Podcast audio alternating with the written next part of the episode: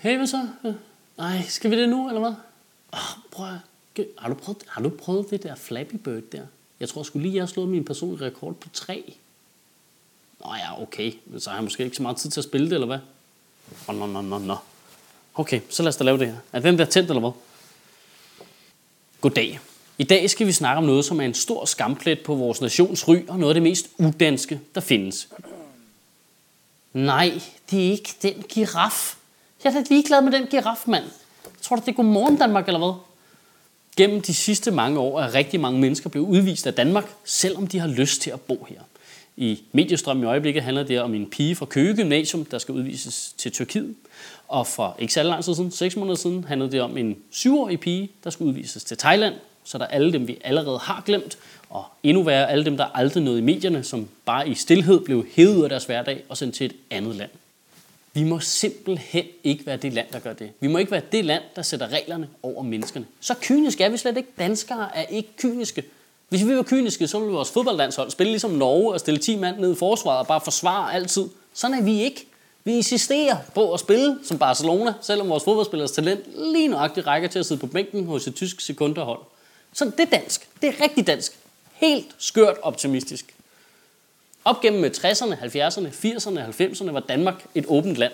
Det som øh, højrefløjen i dansk politik vil kalde blååret og naive. Men helt ærligt, hvad vil du helst være? Ubevidst optimistisk eller helt bevidst et kæmpe stort røvhul? Nej vel, det er der jo ikke nogen, der gider. Det er lidt påfaldende, hvordan det parti, der allermest påstår at forsvare de danske værdier, er dem, der enhændigt bare har afskaffet dansk tolerance, dansk frisind og dansk åbenhed. Og må jeg lige spørge noget? Hvordan kan det egentlig være, at det at have lyst til at bo i Danmark ikke er tilknytningskrav nok? Det er jo super mærkeligt. Det er jo det, er jo det stærkeste tilknytningskrav, man kan have, det er at have lyst til at være her. Det, det trumfer der i hvert fald alt andet. Det trumfer der i hvert fald familiehistorie. Hvordan kan det ikke vægte mere, end hvilken by din bedstefar på din mors side tilfældigvis kommer fra? Det er jo super mærkeligt. Vi vil jo ikke acceptere under nogen omstændigheder i nogle af livets andre forhold, at man vægtede passive ting over aktive ting. Til hvis du kunne få afslag til jobbet som grafiker, fordi med henvisning til, at der ikke var så mange grafikere i din familie. Det vil vi jo aldrig acceptere. Hvornår er vi blevet det land? I Danmark er du din egen lykkesmed. Med mindre du kommer fra et andet land, så er det en inde på udlændingsservice, der hedder Jytte. Og nu vil jeg lige gøre noget, man aldrig nogensinde vil se en politiker gøre. For jeg kunne godt tænke mig at kritisere de mennesker, der sidder inde på udlændingsservice. Fordi hvornår er det blevet forbudt at tænke selv? Ej, men faktisk så siger reglerne bla bla bla. Ja, men hvis reglerne sagde, at du skulle gas jøder, vil du så gøre det? Nej, vel. Så derfor så kan man godt lige tænke lidt, så lidt om selv, og lige bøje reglerne lidt. Det vi bøjer alle sammen reglerne i vores hverdag, altid, hele tiden. Så når du sidder og bladrer sikkert igennem dine uendelige bunke af sager, du skal nå inden frokost, og når til den med den syvårige pige, der skal udvises til Thailand, så smider du den skulle lige over en anden bunke, og sørger for, at folk ikke bliver udvist. Det gør vi alle sammen hele tiden. Nogle gange så bøjer vi lige reglerne lidt, så flytter vi lige deadline en dag, fordi det er bedst for alle. Så giver du dine børn en fin stang, selvom de snart skal spise. Og nogle gange så forhindrer du lige syvårige børn i at blive deporteret. Det er sådan, man bevarer den hyggeligste stemning af min erfaring. Og her til sidst, direkte til de radikale og til Socialdemokraterne. Det er jer, der har magten.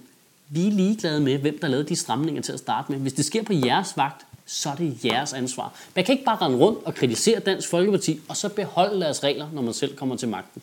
Hvorfor er de ikke lavet om endnu? Sammen med Enhedslisten og SF har I med 100% sandsynlighed flertal for at lave en human udlændingepolitik. Hvorfor er det ikke blevet lavet om endnu? Hvorfor har I ikke ændret de racistiske og i hvert fald groft nationalistiske regler, der findes nu? Er I begyndt godt at kunne lide dem, eller hvad? I ugen, der kommer, synes jeg, at vi skal sætte os ned alle sammen og tænke over, hvad for et land er Danmark? Er vi sådan et øh, ubevidst, optimistisk land, lidt blåret lidt naive, eller er vi 100% bevidste nogle kæmpe store røvhuller? Er vi Forrest Gump, eller er vi The Wolf of Wall Street? Det skal vi selv vælge. Kan du have en rigtig god uge, og Gud bevarer min bar. Nej, nå okay, jeg troede, du havde glemt. Jeg troede ikke, du havde den med, simpelthen. Men hvor sidder den henne? Nå okay, er det den der kæmpe store røde knap? Men jeg havde godt tænkt over, hvad det var.